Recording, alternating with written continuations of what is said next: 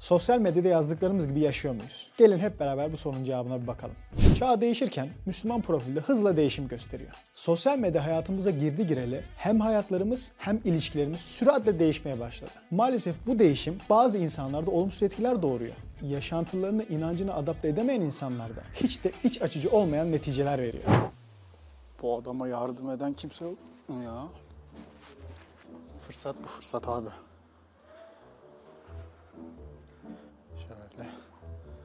Kardeşim bu soğukta sana kimse yardım etmiyor mu ya? Bu insanlık öldü öldü. Şu kara bakar mısınız? Hava buz gibi. Kardeşim üşüyor musun kardeşim? Allah'ım ya Rabbim ya. Bir dakika ben şimdi sana bir yardım yapayım da. Cebim. Şu, benim şunu bir tutar mısın kanka? Şöyle. Şurada bir 100, 120, 160. Şurada da bir 5 lira var 165. Heh, şöyle. Kardeşim sen şu parayı al tamam mı? Karnını doyur. İyi insanlar her zaman kazanacak. Tamam.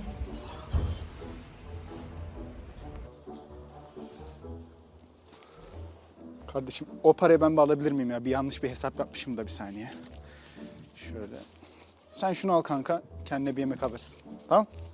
Hadi görüşürüz.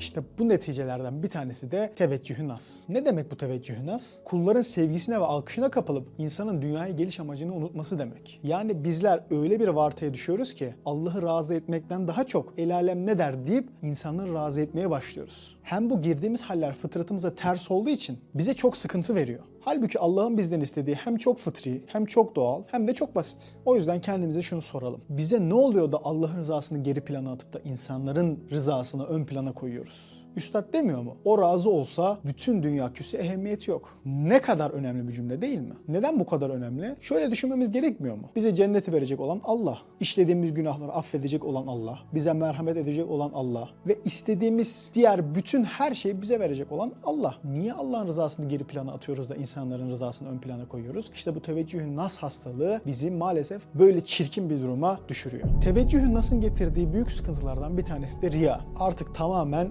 iş bir şova dönüşmüş. Kıldığın namaz, tuttuğun oruç. Artık yaptığın o tertemiz ibadet pislenmiş. Tamam kanka akşam kızlarla birlikteyiz AVM'de. Tamam okey. Sonrasında bir yemek yapar mıyız? Güzel olur. Üzerinde bir yemek hem daha kaynaşırız falan. Ha? Seversin. Selamun aleyküm. İşte falan. Ha aleykümselam mübarek. Aleykümselam. Tamam bak ama mutlaka dediğimi yapmamız gerekiyor tamam mı? Bismillah deyip başlasan gerisi gelir inşallah ya. Yarın itiraz kabul etmiyorum. Sabah hacı bayramı gidiyoruz. Maşallah ya Bak ne güzel konuşuyor mübarek adam. Sonrası gelecek Allah'ın izniyle ya.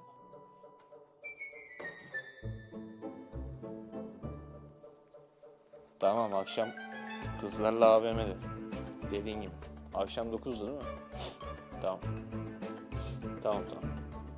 İhlasımızı kaybedersek ne olur? O amel sıfırla çarpılır, hiç hükmüne düşer. Aynen matematikteki sıfır çarpanı gibi. Eğer o amelde Allah'ın rızası yoksa hiçbir önemi yok. Peki biz de böyle bir hastalık olduğunu fark ettik. Bu durumda ne yapmamız gerek? Elbette bunun en birinci çaresi imanımızı kuvvetlendirmek. Ne demek bu iman kuvvetlenmesi? İnandığımız Allah'ı tanımak, bize gönderdiği Kur'an'ı okumak. Kur'an bize ne diyor? Allah bize Kur'an'ı göndererek ne demiş? Bize bir peygamber göndermiş Hz. Muhammed Aleyhisselatü Vesselam. Onun hayatını örnek almalıyız mesela. Onun yaşadığı her şeye örnek alsak aslında en azından bu çaba içinde olsak bu hastalığı yenebilmenin en güzel ilacı olacak. Peki bir sürü bilgi öğrendik ama hiçbirini hayatımıza geçiremedik. O zaman ne olacak? Öğrendiklerimiz havada kalacak değil mi? Elbette en önemli hususlardan bir tanesi de öğrendiklerimizi hayatımıza geçirmek. Çünkü düşünün siz bana bir soru soruyorsunuz. Namazı kılamıyorum bana yardımcı olur musun? Ben size anlatıyorum işte sizi şu videoları izliyorsunuz, şu kadar kitaplar bitiriyorsunuz, bir şeyler yapıyorsunuz ama bir türlü abdest almaya gidip de o seccadenin başına geçmiyorsunuz. Öğrendiğiniz kütüphaneler dolu bilginin bir önemi oluyor mu harekete geçmediğimiz zaman? Elbette olmuyor değil mi?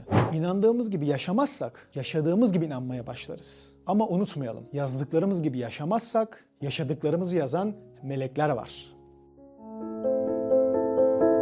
Osman Sungur Yeke'nin yeni çıkan Hadi İnşallah kitabını Nüve Pazar, DNR ve kitapyurdu.com'dan satın alabilirsiniz.